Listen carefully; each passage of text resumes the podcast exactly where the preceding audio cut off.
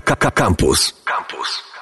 Z Małą Czarną zadbamy o to, żeby nikt nie czuł się samotny słuchając e, Małej Czarnej, a na pewno nie będzie dzięki Oktawii Kromer. Witam cię serdecznie. Dobry. E, Oktawia jest reporterką, dziennikarką. Um, i napisała właśnie książkę. I tak naprawdę w związku z tą książką się e, spotykamy. E, usługa czysto platoniczna, jak z samotności robi się biznes. E, no i samotnie nie będzie, będzie bardzo, bardzo ciekawie, bo jest to książka o o przytulaczach, o produktach imitujących macierzyńską miłość, o sklepie wysyłkowym dla, dla więźniów, o swatkach i o biurach matrymonialnych, o szybkich, o szybkich randkach. Jakim kluczem, według jakiego klucza wybierałaś bohaterów swojej książki? Mhm. To zaczynało się raczej od wyboru tego biznesu. Bohaterowie przychodzili, przychodzili tak z czasem. E, I to z bohaterowie z obu stron, bo i klienci, i usługodawcy.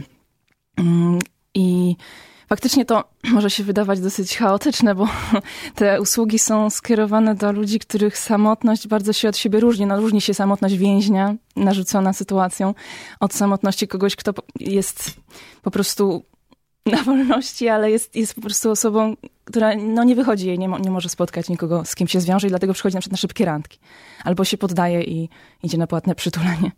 Ale z tego wynika, że przynajmniej w twojej książce to jest y, bardzo demokratyczna ta samotność, bo nie ma ani płci, y, ani wieku, bo mamy zarówno młodych mężczyzn korzystających y, z coachów podrywu, jak i, jak i ludzi, którzy korzystają z salonów masażu, dających jakieś tam poczucie bliskości i ludzi, którzy są znacznie starsi. Tak, są młodzi mężczyźni, młode kobiety, e, starsze panie, e, starsi panowie, są ludzie biedni, bogaci. Tak, jest to tak, demokratyczne uczucie, które każdego może dotknąć prawdopodobnie.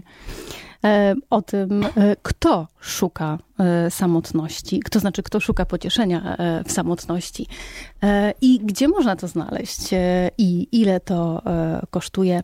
E, będziemy dzisiaj rozmawiać, ale jeszcze, e, jeszcze zapytam cię, dla kogo przytulanie jest jak pomidory? Mhm, tak, to powiedziała przytulaczka Zuza. Była przytulaczka już, e, która w tym czasie swojego życia, kiedy świadczyła usługi przytulania, studiowała jeszcze psychologię. Tak się złożyło, chociaż to nie jest typowe dla przytulaczy. Nie, nie, to nie jest tak, że wszyscy są psychologami albo tak, tak, zdecydowanie mhm. nie. Ale Zuza tak sobie dorabiała mm, przytulaniem po godzinach. I e, no, porównała to właśnie do e, pomidorów, tłumacząc, że można pomidory kupić, e, można, można pomidory sobie wyhodować w ogródku czy na balkonie samodzielnie, ale można je też kupić i wtedy będą takie wystandaryzowane. Już zresztą to jest prostsze i będą takie gotowe, już doskonałe pomidory czerwone. E, no i właśnie tak samo z przytulaniem, że można jakąś relację z kimś wypracować i to przytulanie od tej osoby dostawać na zasadzie tej relacji, a można po prostu pójść do ZUZY, zapłacić i, i się ma. To ile kosztuje godzina przytulania w Warszawie na przykład? Teraz 199 zł za 45 minut e, w promocji, bo bez promocji 229 zł. E, ale ta cena od czasu, e, kiedy Zuza ze mną, e, znaczy kiedy Zuza świadczyła te usługi, mocno wzrosła, bo to było na początku 79 zł za godzinę, więc Pandemia podniosła stawki? Trudno powiedzieć, czy pandemia, bo przed pandemią też one już zaczęły mocno rosnąć. Prawdopodobnie popyt na te usługi i jakaś ich ekskluzywność, no też monopol na rynku, no jest jedyna taka firma w Polsce, która świadczy taką usługę. Też tłumaczono mi, bo rozmawiałam z właścicielkami e, tej firmy, że no wszystko idzie w górę, a przecież na przykład za wizytę u kosmetyczki się tyle płaci, no to dlaczego niby za płatne przytulanie miałoby się płacić mniej? Czy przytulasz się e, z przytulaczem u siebie w domu, czy przytulasz się w biurze firmy? Jak to w wygląda? W Polsce to wygląda tak, e, że, że, że ta firma, no już powiem, przytulanie.pl. E, mówię to jako taką ciekawostkę, bo można sobie sprawdzić, ta, tam naprawdę jest mnóstwo kuriozalnych rzeczy na tej stronie internetowej i, i tak, no ja byłam zafascynowana i przerażona tym. W każdym razie e, firma wynajmuje pokoje na godziny, e, gdzie, e, czy nawet mieszkanie, bo tam jest jeden pokój, w którym jest przytulana osoba z przytulaczem i drugi pokój dla bezpieczeństwa, gdzie jest drugi pracownik, pracowniczka firmy w razie czego, gdyby coś się działo. I pilnuje czasu też ta druga osoba. Jak trzeba, to wchodzi do pokoju. Żeby tam przypadkiem limitów tych czułości nie przekroczyć. Tak, a taka historia też się zdarzyła i opisałam ją w książce. Czy y, te, to bezpieczeństwo, o którym wspominasz, związane jest z nieprzekraczaniem granicy seksualności? Tak. No bo dotyk dotykowi nierówny. Tak, można sobie wyobrazić różne zagrożenia, które są związane z tym, że się spotyka z obcą osobą sam na sam mm, w jakimś pokoju, gdzie ma właśnie być to przytulanie się odbywać. Ale dodajmy, że to przytulanie to jest nie takie, e, taki miesiaczek na stojąco, czy nie tylko, ale głównie tak naprawdę chodzi o przytulanie należące w jakichś takich pozycjach bardzo intymnych, jakieś na łyżeczkę na przykład, tego typu to jest przytulanie. E, I ludzie często zasypiają przy tym też z tego, co mi mówiła właśnie przytulaczka Zuza i nie tylko. E, więc no to ma zastępować coś, co mogło, tak jak te pomidory, no, można było to jakoś inaczej sobie wypracować, ale, ale no ci ludzie też myślę, że są po prostu na tyle zmęczeni już próbami, które nie wychodzą e, jakiegoś takiego naturalnego dojścia do tego etapu, kiedy można się z kimś przytulić, że się poddają i zaczynają płacić za to. Mogę sobie wybrać przytulacza na podstawie wyglądu? Tak, tak. Są zdjęcia, są filmiki, opisy też zainteresowań. Takie menu restauracyjne w zasadzie. No, albo tak jak też ktoś tam porównał z moich rozmówców, że jak na Tinderze, że się przewija też te, tak, tutaj też jest opis, zdjęcie, ale to jest nawet filmik. E, no tak, można sobie wybrać. Wiek jest, zazwyczaj to są jednak kobiety, był jeden, czy, no kilku mężczyzn było, ale tak Kobiety szybko świadczą są. to przytulanie, Mhm, tak, tak. Mhm. Um, Małą czarną spędzamy dzisiaj z Oktawią Kromer, e, autorką książki Usługa czysto platoniczna. Jak z samotności mm, robi się biznes. Okazuje się, że samotność można sobie całkiem nieźle e, wycenić. 190 zł za godzinę e, przytulania albo na przykład 10 tysięcy euro w luksusowym biurze matrymonialnym za sparowanie cię z kimś, z kimś mm, kto do ciebie będzie pasował, przynajmniej pozornie. Czy ludzie, z którymi rozmawiałaś, to ludzie, których było zawsze stać na opłacanie takich usług? Mm, Nie, to właśnie to, to jest y, też jakiś dramat, który z tego wynika, że się przyzwyczaisz do czegoś e, i potem nagle musisz z tego zrezygnować, bo no nie, nie stać się na to. To właśnie była, y, taką osobą jest y, swoją drogą też studentka psychologii, e, która z kolei była po drugiej stronie, bo zamiast świadczyć usługę przytulania, zdecydowała się za nią płacić.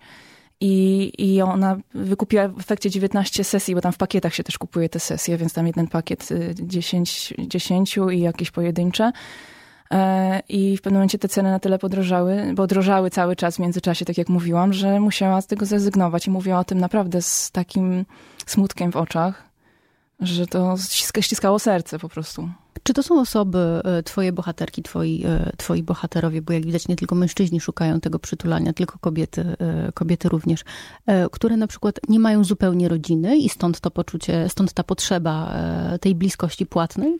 To rzadko jest tak, że się nie ma w ogóle rodziny, tylko na ile te więzi z rodziną coś nam dają, m, pomagają w ogóle w tej samotności, czy, czy rzeczywiście no, można mieć mm, dużą rodzinę, ale nie mieć z nią więzi, e, kontaktów, ale nie czuć się rozumianym przez tą rodzinę, albo mieć rodzinę, od której się tylko słyszy, no znajdź sobie kogoś, e, to ci będzie lepiej, a jak ktoś latami próbuje i to nie wychodzi, no to, to tylko go przygnębia, no to bardziej ma się ochotę takiej rodziny odciąć. E, a takiego wsparcia, no czy w rodzinach, czy wśród grup znajomych, jakichś rówieśników, no tak naprawdę to nie jest łatwo. M- Jeszcze zwłaszcza jak się ma taką, bo to są też jakieś pewnie predyspozycje psychiczne do takiego życia samotnego, które też nie ułatwiają budowania relacji, które dają to wsparcie, więc no Czyli łatwiej, e, bo taki wniosek można wysnuć e, z tych e, opowieści, łatwiej tym ludziom poszukującym bliskości jest zwrócić się do firmy, która świadczy tego typu usługi, niż zwrócić się do rodziny, w której na przykład te relacje są nieidealne. bo wiedzą, że od rodziny dostaną często właśnie jakieś zupełnie odwrotne emocje, jakieś wyś- wyśmianie, czy jakieś zbagatelizowanie, czy jakieś y, no, no kompletnie coś odwrotnego niż by chcieli, więc y, tak. A poza tym y, też to, że płacą za coś, daje im jakieś poczucie kontroli nad sytuacją, że na pewno skoro już za coś zapłacą, to to dostaną. A jakby próbowali w taki tradycyjny sposób poznać kogoś, czy, czy nawiązać jakąś bliższą relację z kimś, kogo już znają, no to Mogliby się skazać na porażkę. oczywiście, tak. Dlaczego, e, dlaczego brzmi to wszystko, e, mówię na razie o tej, o, tej, o tej potrzebie mm, przełamania samotności w sposób troszkę ukryty, bo rozumiem, że jest, że jest to usługa anonimowa, tak? E, W, w To znaczy anonimowa? To znaczy, twoi bohaterowie są bohaterowa, bohaterami, ani mo- nie wymieniasz ich z imienia. I, Zmieniam imiona. Wymieniasz. Zmieniam imiona Zmieniasz moich imiona, bohaterów. tak, tak, Tak, tak. Znaczy bohaterów mam na myśli tych e, klientów. Klienci mają zmienione imiona i te dane, które jakby służyłyby ich identyfikacji, czyli miasto czasami zmienione. I, I mimo Mhm. wszystko, że oni nie pojawiają się z imienia i nazwiska w twojej książce, Oczywiście, nie imienia, imienia tak, to jest to temat tabu. I tak. tak. jak rozmawiamy, wydaje się, że ten temat e, e, tabu jest nawet silniejszy niż na przykład taki coming out związany z twoimi preferencjami seksualnymi. Tak mi się wydaje. Znaczy, bo ja też pisałam sporo o osobach e, LGBT. Ponieważ mieszkamy w Warszawie, e, wiemy jak to wygląda. To jest dalej bardzo, bardzo trudna sytuacja, ale mimo wszystko myślę, że przynajmniej właśnie w takim mieście jak Warszawa łatwiej jest się nieraz przyznać do tego, że się jest osobą LGBT, niż że się jest osobą samotną.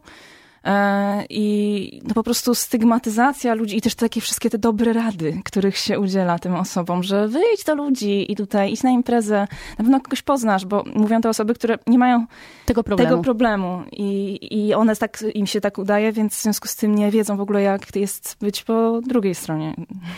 A te osoby po drugiej stronie, e, przynajmniej te, z którymi rozmawiałaś, e, które się zgodziły, czy one znalazły ukojenie w usługach, które kupują?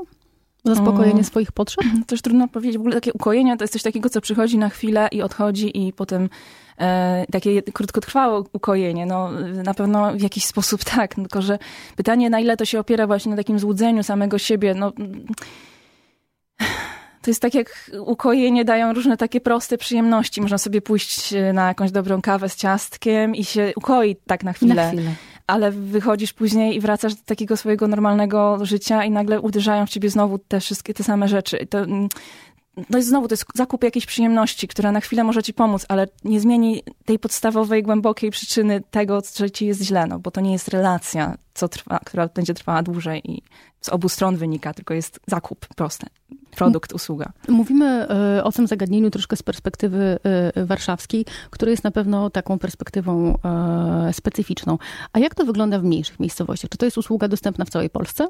A znaczy w ogóle mówimy o bardzo wielu różnych usługach, zacznijmy od tego. E, Na razie Mówisz o płatnym przytulaniu? Tak. Aha, nie, ono jest w dużych miastach. Znaczy w Warszawie jest tak i jakby ym, teraz przyznam, że musiałabym nadrobić na Sprawdzić. ile to, tak, na ile to się po tym drugim lockdownie y, utrzymało, czy, czy nie, ale w Krakowie, w Łodzi otwierały się kolejne y, salony.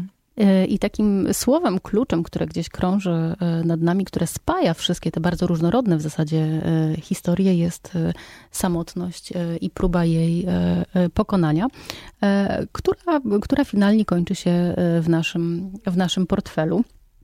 Mm, W swoich, takim chyba jednym z bardziej kontrowersyjnych w pewien sposób, taki mentalny e, rozdziałów w twojej książce jest, e, jest rozdział o trenerach e, podrywu.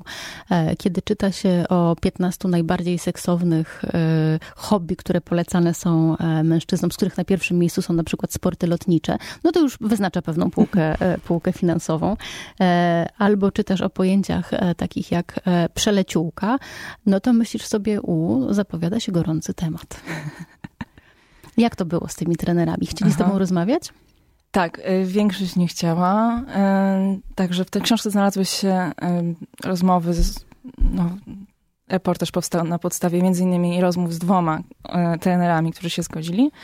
Y, I tak jak y, mówiłaś, użyłaś tego słowa przeleciłka, to żaden z nich akurat go nie użył. To moi, jeden z tych moich rozmówców stwierdził, że on jest teraz bardziej humanitarny w podejściu do kobiet.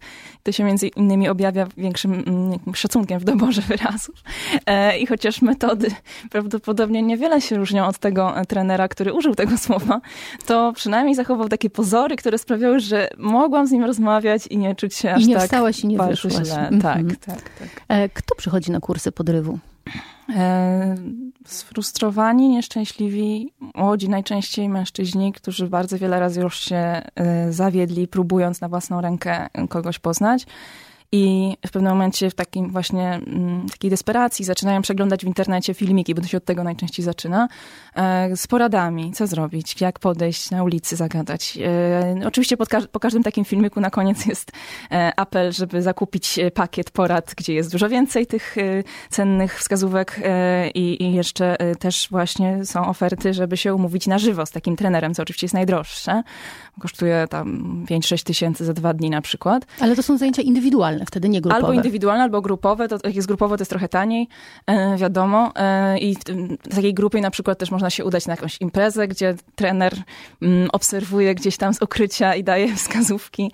Albo nawet e, takie rozmowy są nagrywane mm, ukrytym dyktafonem. Taki kursant podchodząc do dziewczyny wszystko rejestruje, co jej mówi, a potem odsłuchują to sobie z I trenerem. przeprowadzają analizę materiału. Tak, analizę, mhm. tak, tak. No i celem jest to, żeby dostać numer telefonu, a czy później się zadzwoni na ten, to już w ogóle nie ma znaczenia, bo trzeba zdobyć kolejne numery telefonów i kolejne i nawet aż mnie to yy, rozbawiło, trochę bardziej mnie to zasmuciło, jak usłyszałam od jednego z moich bohaterów, właśnie klienta takich usług, że no, spotkał kilka dziewczyn, które rzeczywiście dały mu te numery telefonów. Jedna bardzo fajna w ogóle i tak dalej, ale że spotkać się z nią na kawę czy gdzieś. Nie, nie, nie, nie, bo on, szkoda mu było czasu, bo on musiał ten weekend, kiedy już przyjechał do Warszawy, do tego trenera, bo on spod, spoza Warszawy, to musi wykorzystać, żeby jak najwięcej numerów do innych dziewczyn zdobyć, bo przecież on się musi tutaj rozwijać, więc cały ten rozdział jest zatytułowany rozwój właśnie jako taki paradoks, bo ten rozwój jest bardzo specyficzny. No i stoi na ostatnim e, miejscu listy 15 e, e, hobby i cech, e, ale które tak. pożądanych u mężczyzn. Tak, ale to jest akurat y, na pewno inaczej rozumiany, bo tego rodzaju rozwój byłby na pierwszym miejscu. To jest y, rozwój rozumiany jako czytanie i rozwój. To, to, to jest na ostatnim miejscu.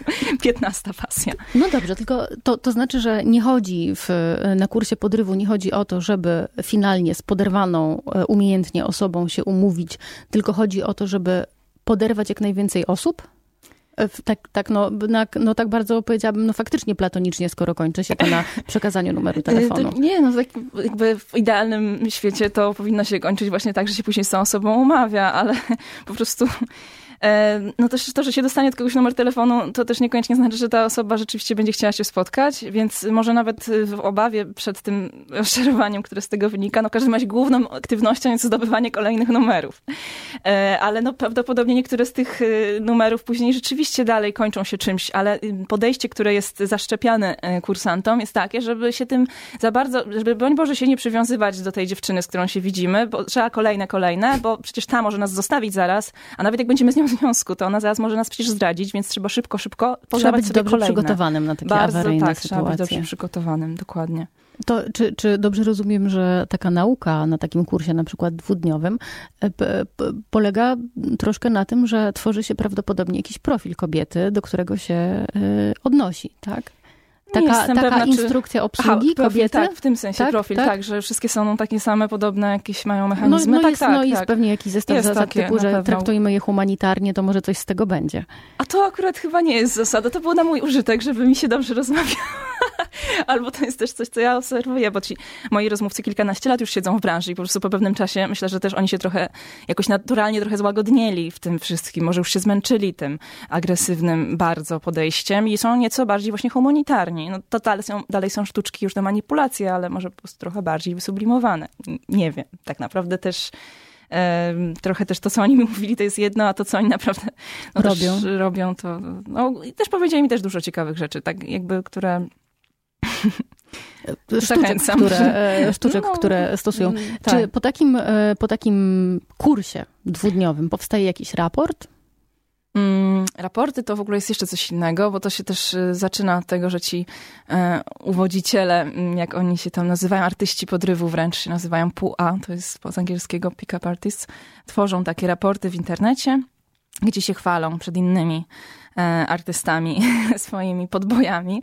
E, I to też, no, myślę, że no, musi się dobrać z tego, że, bo ci ludzie też opowiadają swoim klientom, że oni kiedyś byli tacy jak oni, że mieli też mnóstwo tych porażek na koncie, odrzuceń, jakichś oszczarowań, żeby i tacy nie, nie śmiali. E, no i zaczynają zdobywać taką pewność siebie i tak sobie podbudowują ego tym, że proszę, tutaj raport, tu się udało, tu się udało, tu się udało, no to jestem w sumie fajny taki. No i właśnie to później te... Te, te raporty mają tak motywacyjnie działać na tych e, potencjalnych przyszłych uczestników kursów. Tak, no i, no i w ogóle, że tak, tak, i że też między sobą się tak popisują i sami sobie coś udowadniają, bo to tak naprawdę najbardziej na to chodzi właśnie o takie udowadnianie sobie czegoś. Jest konkurencja w tej branży? Mm, no jest dużo tam takich trenerów, tak większość nie chciała ze mną rozmawiać, pewnie mieli rację, bo... Mm, bali się ujawniać swoje metody. E, no, bali się też ośmieszenia, bo to nie jest trudno. Tak naprawdę jakby oni sami się często śmieszają po prostu i... Czy, no czy, nawet im czy, się nie dziwię, że nie chcieli ze mną rozmawiać. Czy to jest tak, bo ciekawym aspektem y, twojej książki jest też to, że w zasadzie rozmawiasz tylko z polskimi przedsiębiorcami. Mhm. Wszystkie firmy, o których piszesz, no bo są to w większości firmy, e, są polskie. Czy w wypadku e, trenerów podrywu lub pick-up artystów, mhm. jak to ładnie ujęłaś, czy my importujemy sobie mm, wzorce amerykańskie, no bo tam to już jest troszkę dłużej niż u nas, czy nie? Czy mamy takie nasze polskie metody? Um, przyznam, że akurat na tym polu nie siedziałam, bo mamy na tyle już bogaty materiał polski, że skupiłam się tu na tak, na polskich usługach. To akurat jeśli chodzi o mm, Stany Zjednoczone, to w płatnym przytulaniu bardzo mnie zafascynował ten amerykański wątek i tam się wgłębiałam w to. E, a tutaj już, już bardziej się skupiłam na, na Polakach. Amerykańskie przytulanie różni się od polskiego? Mm, tak, trochę się różni. Na przykład właśnie to mówiłyśmy o tym, że jest, w Polsce jest w wynajmowanych y, na godziny pokojach, no to amerykańskie też jest świadczone w domach klientów i też sama przytulaczka u siebie, na przykład w mieszkaniu chyba, czy w jakimś kinie, gdzieś w jakichś miejscach publicznych też świadczyła to akurat e, Samantha Hess bardzo znana przytulaczka amerykańska, która e, założyła całą świetnie prosperującą firmę, gdzie bardzo wiele osób zatrudnia i wydaje książki i też robi szkolenia i tak dalej. E, I była w Mam Talent na przykład, gdzie przytulała na wizji i chwaliła się tym, jakie ma, ileż to pozycji przytulania ma na koncie. Zdolności. Myślę, że każdy talent jest e, bardzo e, cenny, a widać, że u nas w Polsce mamy świetny talent do robienia biznesów opartych na potrzebie zaspokajania samotności. Oktawia, piszesz też o szybkich randkach i to jest tym bardziej ciekawe, że jest to chyba jedyna aktywność, w której fizycznie wzięłaś udział sama. Nie, nie jedyna, bo nie jedyna. jeszcze w Nuga Best byłam. Kładłam a. się na matach masujących. A, no to świetnie. To zacznijmy od tych szybkich randek, a, a, o Nuga Best zaraz, zaraz porozmawiamy. E, jak było? Jak to w ogóle wygląda? Mhm. Na czym polega? Tak, e, więc przychodzisz do... Mm, zwykle to jest jakiś lokal y, w Warszawie. Byłam na trzech takich spotkaniach rok po roku, co też jest w sumie ciekawe, bo w międzyczasie mogłam odświeżać kontakty z tymi ludźmi, których poznałam na początku i patrzeć, co się u nich zmieniło. E, więc y, za każdym razem było w innym miejscu. E, dwa razy było tak, że się wchodzi po schodami w dół do jakiegoś wnętrza w piwnicy, gdzie na, za pierwszym razem to trochę mnie wzbudziło we mnie niepokój. Byłam z koleżanką za pierwszym razem. Później Czyli to nie restauracja, sama. nie takie miejsce Nie, no takie klubowe, jakieś Aha. takie bardzo, no akurat nie wzbudzało to we mnie dobrych skojarzeń w ogóle, że wchodzę do jakiejś czarnej piwnicy na, na, na, na, na wejściu stał jakiś taki ochroniarz y, przerażający dosyć, ale wypełnia się potem formularz, gdzie trzeba właśnie podać imię i nazwisko. Też już robiłam to z pewną niechęcią. Się, żeby cię potem znaleźli. Tak, żałowałam nawet w pewnym momencie, że nie podałam fałszywego imienia i nazwiska i tak się zastanawiałam, jakby, czy to dobry pomysł był na pewno. E, no a później się dostaje plakietkę, na, przyczepia się sobie do ubrania z imieniem i z numerem. Każdy ma taką. Mm, I co pięć minut Siada się przy stoliku, dziewczyny siadają, a faceci się przesiadają pomiędzy tymi stolikami co pięć minut. E, I na początku trzeba w, w, formularzu, który się dostaje, wpisać imię tej nowej osoby na podstawie tej plakietki i numer, a później na koniec się zaznacza krzyżykiem, czy chce się z tą osobą dalej mieć kontakt, czy, czyli jeżeli tak, no to organizatorzy przekazują numery telefonów, jeżeli obie osoby chcą. I już sobie indywidualnie wtedy z taką osobą. Tak, tak. czyli na tej zasadzie to działa trochę jak Tinder, że dwie osoby muszą tego chcieć i wtedy dalej jest ten kontakt a, przekazany. ten mężczyzna, z którym tak. ty rozmawiasz, on też musi ciebie tak. tym krzyżykiem e, zaznaczyć.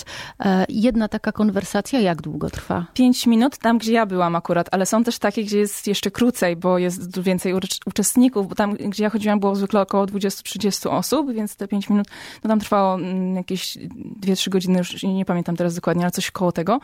E, ale są też takie, gdzie jest, nie wiem, 50 osób i trzeba w związku z tym mieć dwie minuty na przykład. sobie trochę czasu. Tak, tak. I czyli tak. Ty, y, ty jako e, jedna, ty rozmawiasz podczas takiej sesji na przykład z 20 e, tak, mężczyznami. Tak, tak. tak, przesadziłam, nie było 30 tam było do 20 raczej, tak właśnie, bo to i tak dosyć długo zajmuje. Jakieś przerwy mm -hmm. są w międzyczasie. Mhm. No rozumiem, że pierwsza rozmowa różni się trochę od ostatniej pewnie. No jest się zmęczonym na koniec na pewno. W ogóle to jest też takie, że no cały czas w napięciu, bo cały czas ta kolejna osoba to jest kolejna osoba, którą się widzi prawdopodobnie... Pierwszy i ostatni raz. Bardzo możliwe, że pierwszy i ostatni raz w życiu. No właśnie i trzeba zrobić na niej takie wrażenie, jeżeli chcę z nią dalej mieć kontakt, no bo ja też jako reporterka też oczywiście musiałam chcieć, żeby ci ludzie też mnie zaznaczyli, więc e, na, na pierwszych dwóch spotkaniach z tych trzech e, mówiłam, że naj, najczęściej mówiłam, że piszę książkę później na trzecim mniej, to trzecie było naj, najlepsze, najwięcej wyszło z niego. Bo, Kontaktów. E, jednak się okazuje, że ludzie niekoniecznie chcą wiedzieć o tym. E, znaczy jakby... Mówić. Tak, no... Ale to znaczy, mm. mówiłaś świętą prawdę, że piszesz książkę, w której tak, będzie tak, rozdział tak, o speed tak. datingu. Tak, i bardzo często zderzałam się z, ze strasznie negatywnymi emocjami w tym momencie. Ja teraz już też po, po tym czasie pracy nad książką rozumiem te emocje bardzo dobrze. Na początku trochę mnie to jeszcze dziwiło, bo spotykam się po prostu często z taką, z taką agresją, jakąś taką pasywną, ale agresją, e, z jakimś wyśmianiem, jakimś w ogóle niedowierzaniem, ale takim bardzo pełnym no właśnie takich negatywnych emocji, z, tak naprawdę związanych z kompleksami tych mężczyzn, myślę, bo e, oni na przykład podważali to, że ja mówię prawdę, że pewnie wcale nie piszę tej książki, tylko jestem tutaj, to jest moja metoda na podryw. E, no, albo... no widzisz, no tak też mogłoby być. E, no, oczywiście Starasz tak się być ciekawsza być. niż... Ale to jest też tak, że samotni ludzie są bardzo podejrzliwi ogólnie, w sensie według badań, e, o których piszę na początku książki, e, jest taka nieufność duża, więc to też z tego mogło wynikać. E, ale oczywiście tak też mogłoby być. E, a, ale no. Mm, no, także rozmawiałam z nimi. Najczęściej, najlepsze rozmowy to były takie, gdzie bardzo mało mówiłam o sobie, co było też bardzo mile widziane. Po prostu moi rozmówcy mówili cały czas sami. Ja zadawałam im pytania, tak jakbym robiła z nimi właśnie wywiad. wywiad. Oni nie wiedzieli, że to jest wywiad, po prostu czuwali takie moje autentyczne zainteresowanie, bo rzeczywiście byłam nimi bardzo zainteresowana. E, bo byłam ciekawa, co mi powiedzą, ale e, nie mówiliby tak, gdyby wiedzieli, że piszę i że będę chciała pisać, więc ponieważ zmieniałam ich imiona i to myślę, że e, no, no, czuję, się, czuję się okej okay z tym, że tak zrobiłam w końcu. Nie, o, czym, o czym mówili ci mężczyźni, z którymi rozmawiałaś? Mm. Ci, którzy nie wiedzieli, że tym, ci, Aha. którym się nie przyznałaś, że piszesz książkę. Tak, no, mówili na przykład o tym, że wszystkie inne dziewczyny, tylko trzeba cały czas je pytać o nie i że byli... Jakby... A to byłaś miłą odmianą w takim razie. Tak, ja byłam, tak, bardzo. Słuchaj Radio Campus, gdziekolwiek jesteś. Wejdź na www.radiocampus.fm.